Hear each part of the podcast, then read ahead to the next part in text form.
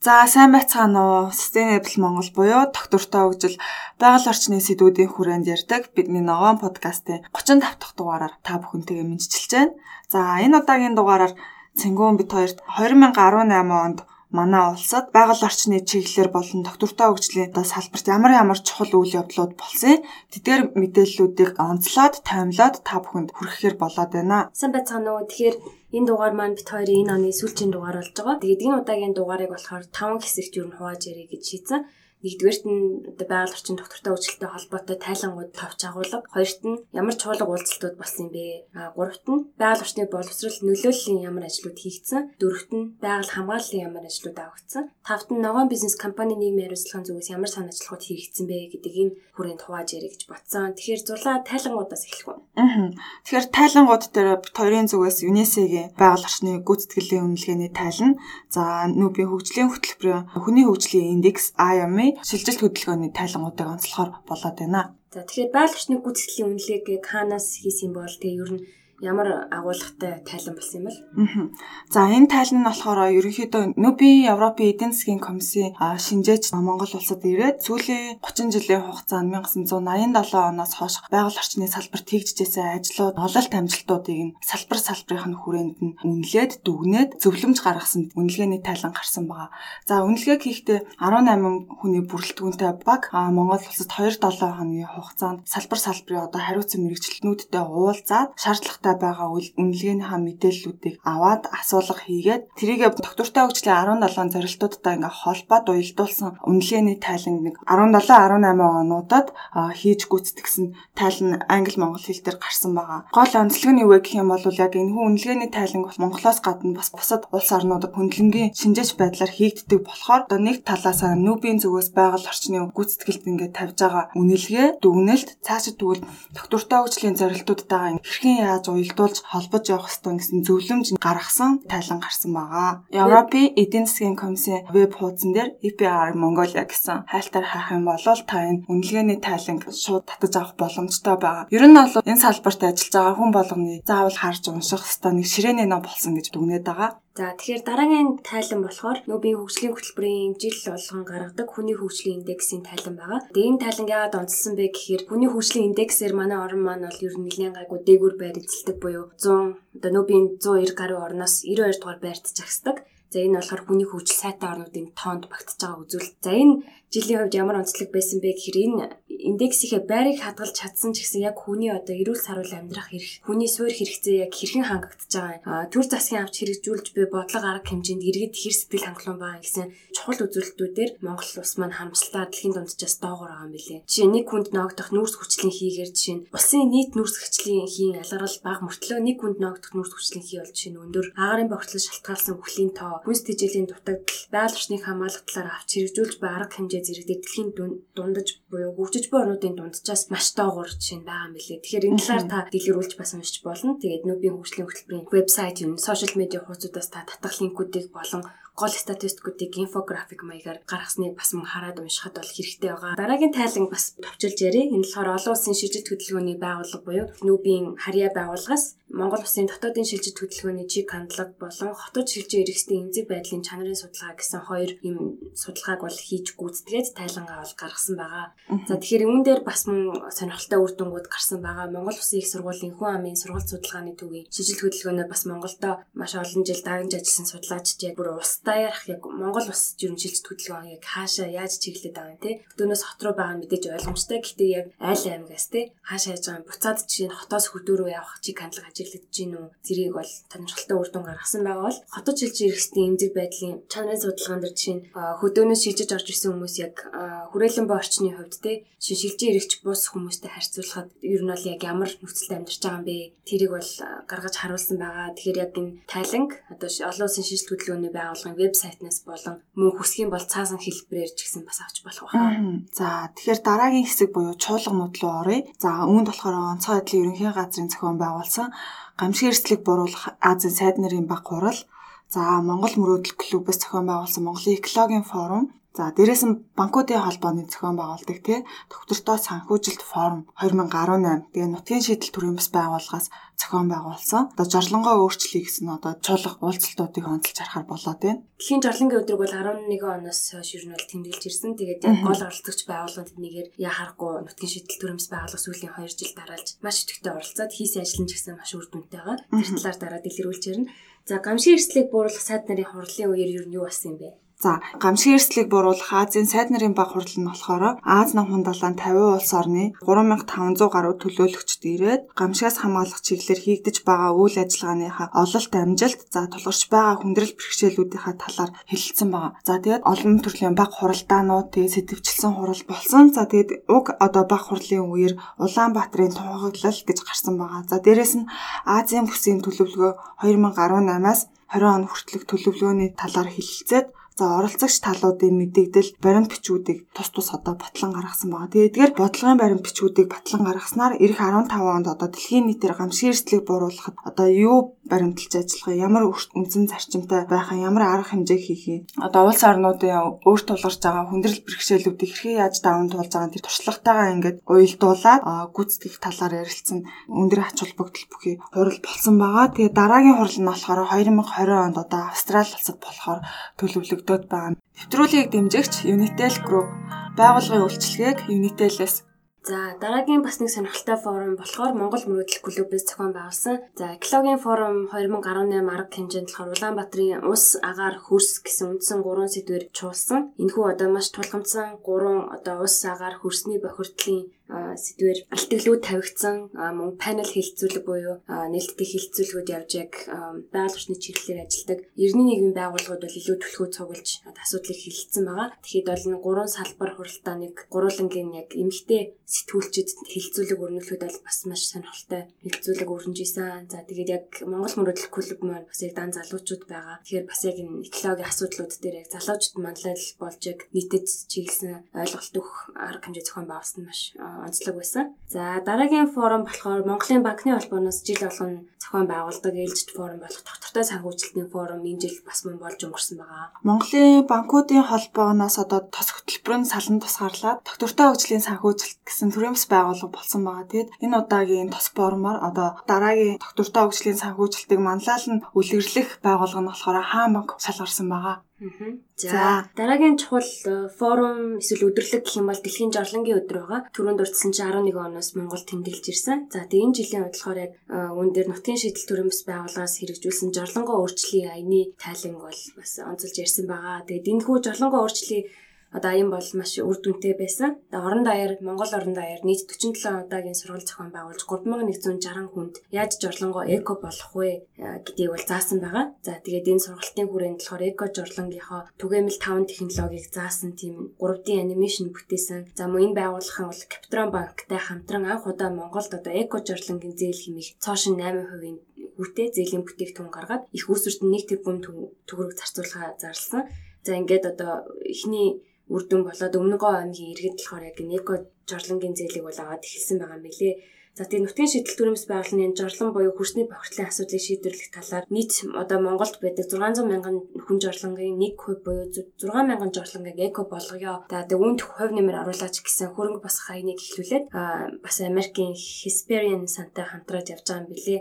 За бит хоёрын 3 дугаар хэсэг эхэлж байна. За үүнд болохоор байгаль орчны боловсрол нөлөөллийн ажлуудын талаар ярихаар болсон байгаа. За яг хоёрын подкасттай бас мөн холбогдож болох нэг зүйл нь болохоор яг энэ сэтгүүл зүй буюу ерэн сурвалжих сэтгүүл зүйн одоо уралдаан бол энэ жил басан. Үүнийг бол хэвлэлийн хүрээлэн болон Герман улсын Deutsche Welle Academy, Канадын элчин сайдын яам хамтраад Цахиур 2018 гэсэн сэтгүүл зүйн эрүүл ерэн сурвалжих сэтгүүл зүйн шилдэг бүтээл тодруулах уралдаан болсон байгаа. За тэгээ үүнээс гадна сэтгүүл зүйн салбарт болохоор яг Балт орж сангийн шилдэг бүтээлийн шагнал бол бас мөн тодорхой том байр суурь эзэлдэг. За нэг сонирхолтой зүйл ажиглагдсан яг энэ хоёр уралдаанд хоёуланд нь яг шалгарсан тэргуун бүтээлүүд эхний 10 байранд орсон бүтээлүүд бол дандаа байгаль орчны асуудал хүнсэн байсан.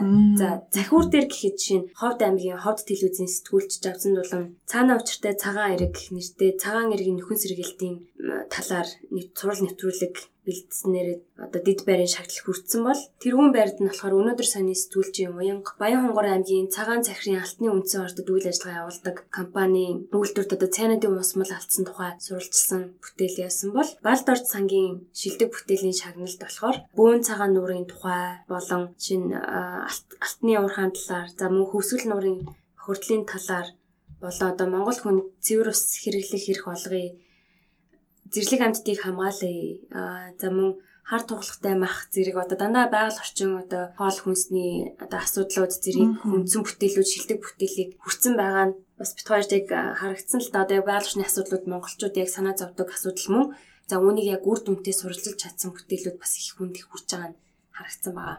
Аа. За тэгэхээр дараагийн одоо байгаль орчны боловсрал нөлөөллийн ажлууд дээр зөриг сангийн хөтөлбөрүүдийг онцлмоор юм л да.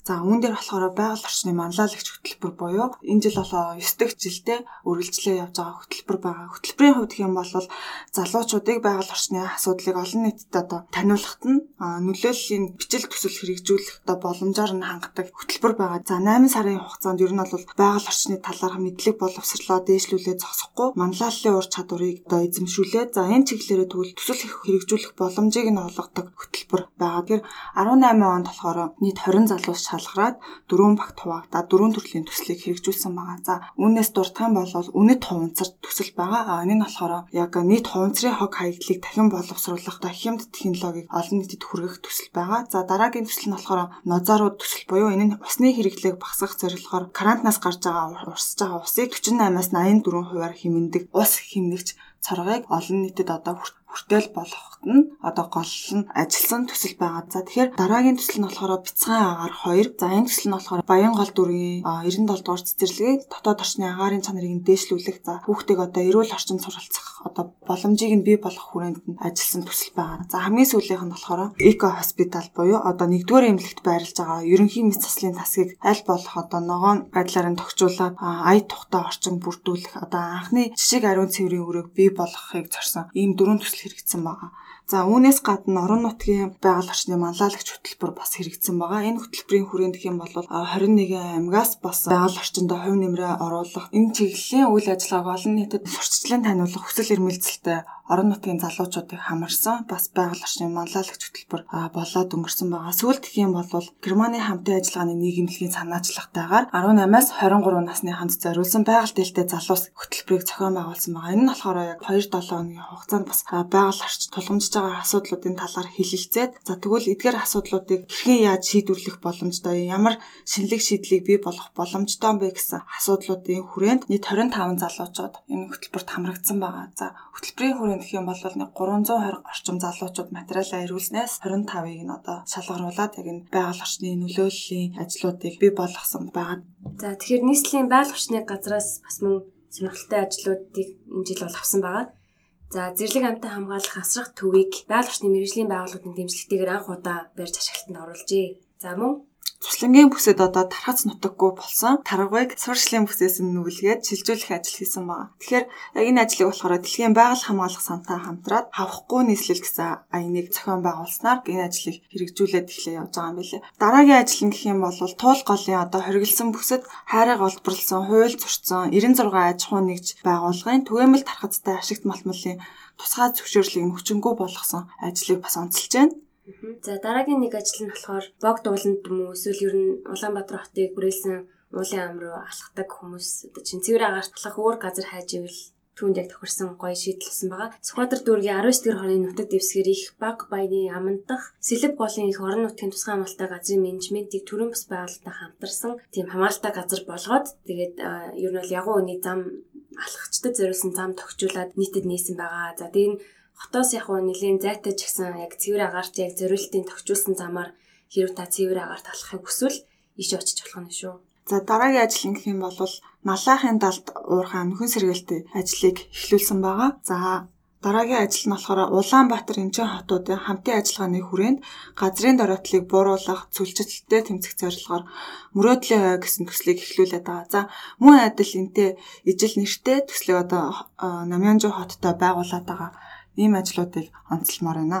Тэгэхээр энэ бол зөвхөн нийслэлийн байгаль орчны газраас авч хэрэгжүүлсэн олон олон арга хэмжээний зөвхөн яг нэг төлөөлөл нь байгаа. Хөшөө бас мөнгө сонирхолтой арга хэмжээнүүд байгаа. Та бас вебсайт болон сошиал хуудасаас нь дамжуулаад илүү лавлж болох байхаа.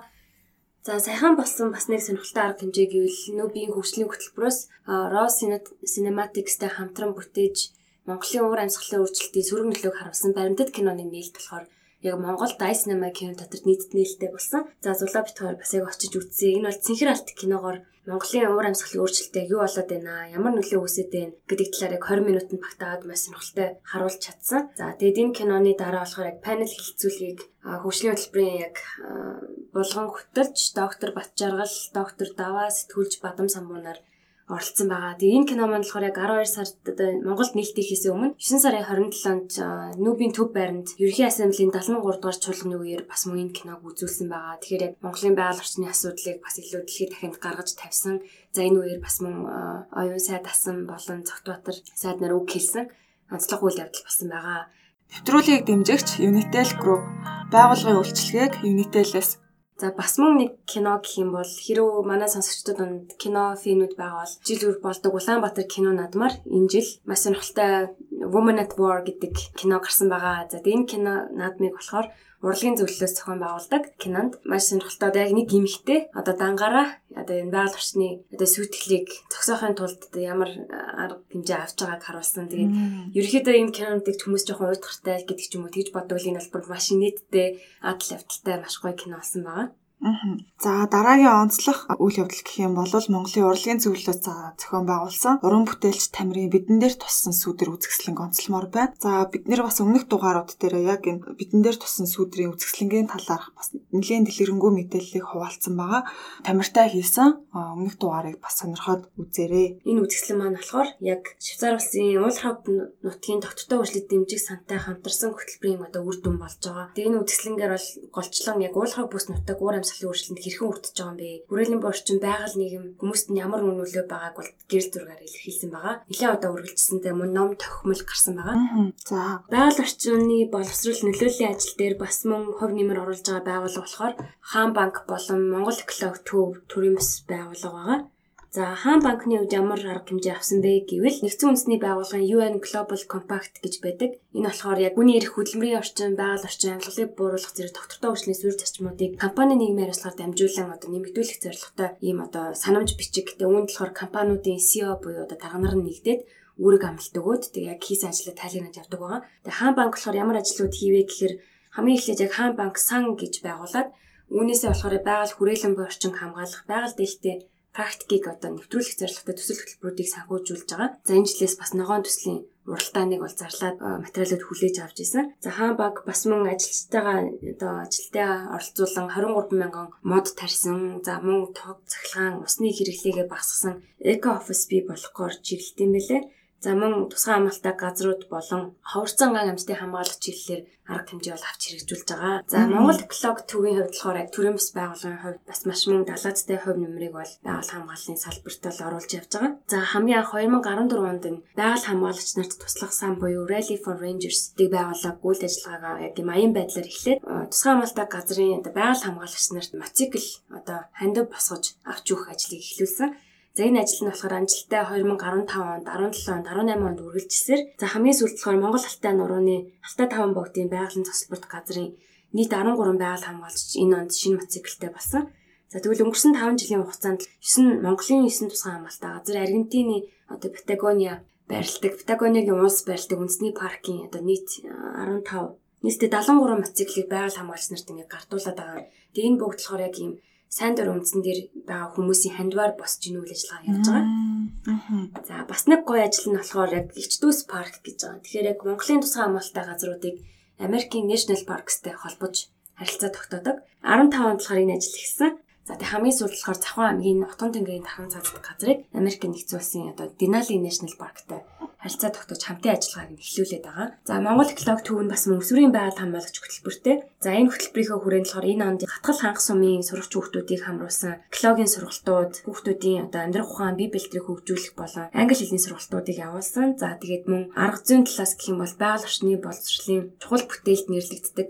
Жозеф Корнелийн байгальтай танилцах үг хэмээх бүх насныхан зориулсан байгальд тоглолтог тоглоомын заавар бүхий номыг монгол хэлний хөрвүүлж олон нийтийн хүртээл болгосон байгаа. За нөхцөрийн байгаль хамгаалагч хамгаалагчд маань яадаг вэ гэхээр үндэсний болон олон улсын тусгай хамгаалалтаа газруудын талаар мэдлэгтэй болдог. За мөн усны чанарыг тодорхойлцуурдаг, зэрлэг сонгон нутагшуулдаг, ан амьтан хамгаалах GPS-ийг одоо яаж ашиглалтын зэрэг машин практик туршилтуудыг мөн хийж үздэг юм гоё хөтөлбөр байгаа. Аа дараагийн байгаль хамгааллын чиглэлээр цаа ажлуудыг онцлмоор байна. Тэгээд байгаль орчин аялал жуулчлалын яамны хүрээнд гэх юм бол дараах онцлог үйл явдлууд болоод байгаа. За 2019 оны 3 сарын 1-ээс эхлээд гэлгар уутыг хориглох шийдвэр гаргасан байгаа. За ингэснээрээ одоо нэг удаагийн одоо гэлгар уутыг импортлохгүй, хэрэглэхгүй хэрэгжилтэнд нь болохоор гайлын ерөнхий газар болоод мэрэгжлийн хяналтын газар хяналт тавьж ажиллахаар болсон. За дараагийнх нь ажил гэх юм бол төмрөөс хамгаалах 800 км урт зурвас байгуулсан. Хил дамсан ой хэрийн төмрөөс урьдчилан сэргийлэх хамгаалах зорилгоор Оросын албаны улстай хилэлдэг дорнод Хинти, Сэлэнг, Уус зэрэг аймагуудад 10-аас 30 м өргөнтэй 800 км урт төмрөөс хамгаалах шорон зурвасыг байгуулсан. Тэгээ ингэснээр болохоор төмрийн эрсдэл өндөртэй. Тэгээ дорнод Хинти, Сэлэнг, Уус, Төв, Булган, Завхан зэрэг аймгийн 18 сумын ой ангиудад одоо хүчин чадал сайтай програм тэгээд төмрөөс урьдчилан сэргийлэх унтраах багц хэрэгслүүдийг мөн олгосон үйл явдал болсон байгаа. За дараагийн онцлог ажил нь гэх юм бол Монгол улс саарл усыг ашиглах эрх зүйн зохицуулттай болсон. За энэ эрх зүйн зохицуултаа ингээ хийхийн тулд одоо Америкийн нэгдсэн улс одоо нүүбийн хүнс хөдөө аж ахуйн байгууллага, Израиль, Итали, Хятад зэрэг орнуудын стандартын арга барилуудыг, аргачлалуудыг нь судлаад за Монголын нөхцөл тохирсон одоо стандартыг одоо боловсруулад гаргасан байгаа. Тэгээ ингэснээр болохоор яг үйлдвэрлэл, тэгээ үйлчилгээ, тэгээ хүрээлэн буй орчинд одоо ашиглаж байгаа усыг хэрхэн яаж дахин ашиглах боломжтой эдгээр зүйлүүдийг стандартчлал судлаад тэгээд гаргасан нэг томоохон ажил хийгдсэн байна. За дараагийн онцлог ажил нь гэх юм бол ганг нуурын экосистемийг сэргээх ажлыг а дарга ангийн байгалийн зохицол бүрт газар түлээлгээ өгсөн ажил болсон байгаа. Ганг нуур одоо ширхсэн гэл бид нэр бас нэлээд яриад байсан. Тэгвэл буцаад одоо ганг нуурын экосистем сэргээд эхэлж байгаа юм байна гэсэн бас нэг сайхан мэддэг энэ оны сүүлээр та бүхэнтэй хуваалцмаар байна. За онцлог дараагийн ажил гэх юм бол газрын дорх усны хэлбэлцлийг онлайнаар хянаж эхлэх одоо системтэй болсон гэж онцлмоор байна. За тэгээд байгаль орчин уур амьсгалын сангийн ажлыг онцлмоор байна. Энэ нь болохоор уур амьсгалын өөрчлөлтийг сааруулах, хүлэмжийг бууруулах чиглэлээр Монгол Японы засгийн газар хоорондын одоо хамтарсан кредит олох механизм гэд хэрэгждэг ажил байгаа. За одоогийн байдлаар яг энэ хамтарсан кредит олох механизмын хүрээнд сэргээгт эрчим хүчний 8 төсөл, эрчим хүчний хяналтын 3 төсөл хэрэгжиж явж байгаа юм байна. За 2018 оны 11 сард болохоор энэ хамтарсан кредит олох механизмын хүрээнд хоёр төсөл ерөнхийдөө дуусаад кредитээ ингээд тооцоолсон ажлууд болол дууссан юм байна. Хамгийн сүүлд нь бит хоёр ногоон бизнес болон компани нийгмийн хариуцлагын талаар яриа гэж бодсон. За үүнд болохоор бид нэр сайн цаас глобал Motors, оюутлогой, Unitel, Apo Energy Resource зэрэг компаниудын арга хэмжээг яриа гэж бодож байгаа. Unitel Group-ийн хувьд болохоор 2017 оноос эхлээд ногоон багасын хөтөлбөрийг бол хэрэгжүүлж эхэлсэн юм байна. За энэ хөтөлбөр нь болохоор ер нь хог хаягдлыг бууруулах талаар голлон анхаардаг. Тэгээд яг эко хогийн савуудыг бол удаа дараа байршуулд юм байна. За тэгээд хэрв та хүүхдийн баяр, наадам, тэгээд City Expo зэрэг арга хэмжээнд очисон бол ногоон багасаа гэсэн нэг цаасан хогийн савуудыг харж исэн баха. Тэгээд 100 100 ширхгийг тус бүр ингээд эдгээр үйл ажиллагааны үеэр байршуулж исэн байд. За мөн хог цэвэрлэгийн үйл үйл ажиллагааг бол Эрдэнэт болон Улаанбаатар хотын туул сэлб голын орчим шарга морьт зэрэгтэл явуулсан. За мөн их цэвэрлэгээ хийх талаар мэдээллийг бол үнгүй түгээдэг. Хотын зархаатай хамтран бол галт төмрөөс урьдчилан сэргийлэх зарим мэдээг бас түгээх ажлуудыг хийж байжээ. Сайн цаасны талаар ярих уу? За сайн цаас нь болохоор 2014 оноос эхлээд үйл ажиллагаагаа явуулж байгаа. За тэгээд хаягдал цаасыг дахин боловсруулаад буцаага тэрийг түүхий эд болгоод сав баглаа бодлын үйлдвэрүүдэд нийлүүлдэг хувийн компани байгаа. Тэгээ яагаад онцлог болсон бэ гэхээр зэрэг 2000 18 онд Сайн цаас компани маань 2500 тонн орчим хаягдал цаасыг дахин боловсруулад EcoPack, тэгээ Pack Solution, тэгээд GoPro зэрэг сав баглаа бодлын үйлдвэрүүдэд түүхий эдээ нийлүүлсэн. За үйлдвэрийн хувьд гэх юм бол ерөнхийдөө хоёр ээлжээр ажилладаг цагт 1 тонн хаягдал цаасыг дахин боловсруулах хүчин чадалтай.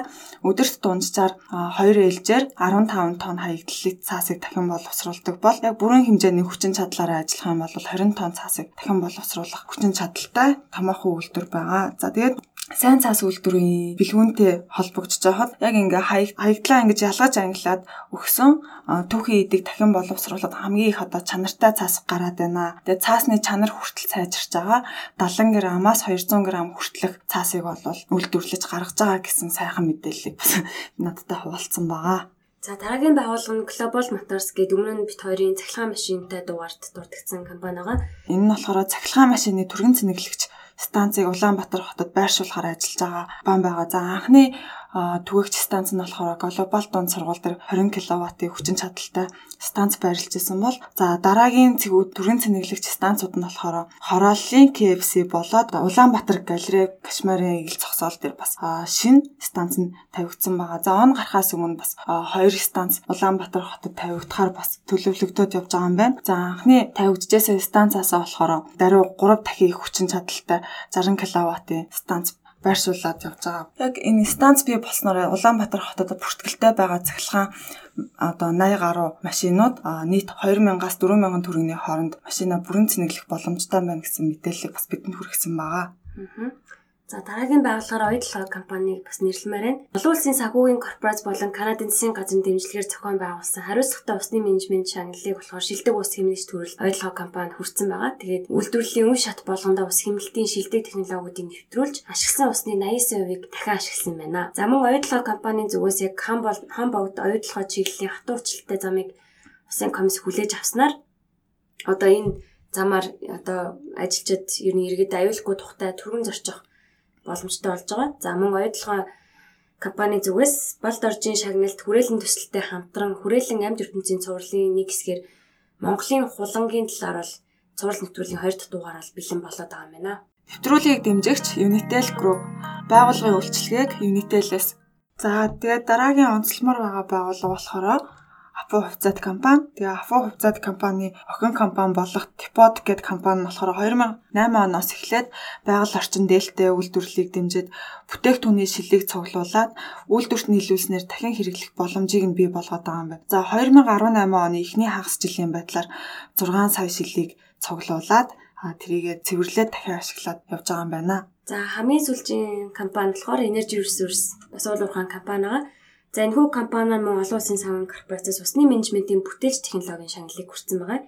За тэгэхээр хаягдлыг нүрс баяжуулах үйлдвэрийнхээ дэргэд хаягдлыг усгүйжүүлэх үйлдвэрийг ажилуулснаар лагаас усыг шахаж авах замаар ус ач дахин ашиглалтыг 95% хүргэсэн. За тэгээ говьд буусан их үерээс тогтсон усыг технологийн аргаар цуглуулж шаврыг тунгаах замаар үйлдвэрлэл дахин ашиглаж эхэлсэн байна. За ухаан удгийн цахилгаан станц нь гэхэд бас мөн 4-5 дахин бага ус ашиглах технологитой байна. Аа. Өөр юу хийсэн юм бол? Бас хүрээлэн төсөлтөй хамтраад говийн таван гайхамшиг нэртэй одоо цоврал одоо контент төслийг бэлтгэхээр болоод байгаа юм байна. Өөр нэг онцлмаар нэг ажил гэх юм бол ухаан худаг уурхайн хамт олон болохоор олон төрлийн хогоо ялгаж ангилаад тэгээд э, цэгтээ боловсруулаад сандал, блок, хогийн сав зэрэг 20 гаруй нэр төрлийн бүтээгдэхүүн хийдэг гэдгийг нь бас онцлмоор байна. За тэгэхээр бит хоёрын бэлтгэсэн тойм дугаар та бүхэн сонирхолтой байсан гэж найдаж байна. За мөн тодруулах зүйлээ бол бит хоёрлоо бол хизээд холбогдоход нээлттэй. За тэгээд шинэ ондоо бас та бүгдийн ажил амжилт хүсээд бит хоёрын зүгээс ч гэсэн эх жил тодорхой хөгжил байгаль орчны салбарт илүү гоё санаачлаг ажил хэрэг өрнөөсэй гэж хүсэж байна. За тэгээд дээрх дурцсан одоо мэдээллүүдийг дэлгэрэнгүй байдлаар медиум хуудсан дээр текстээр оруулаад явах болно. Дараагийн дугаар хүртлээр түр баяртай. Баяртай.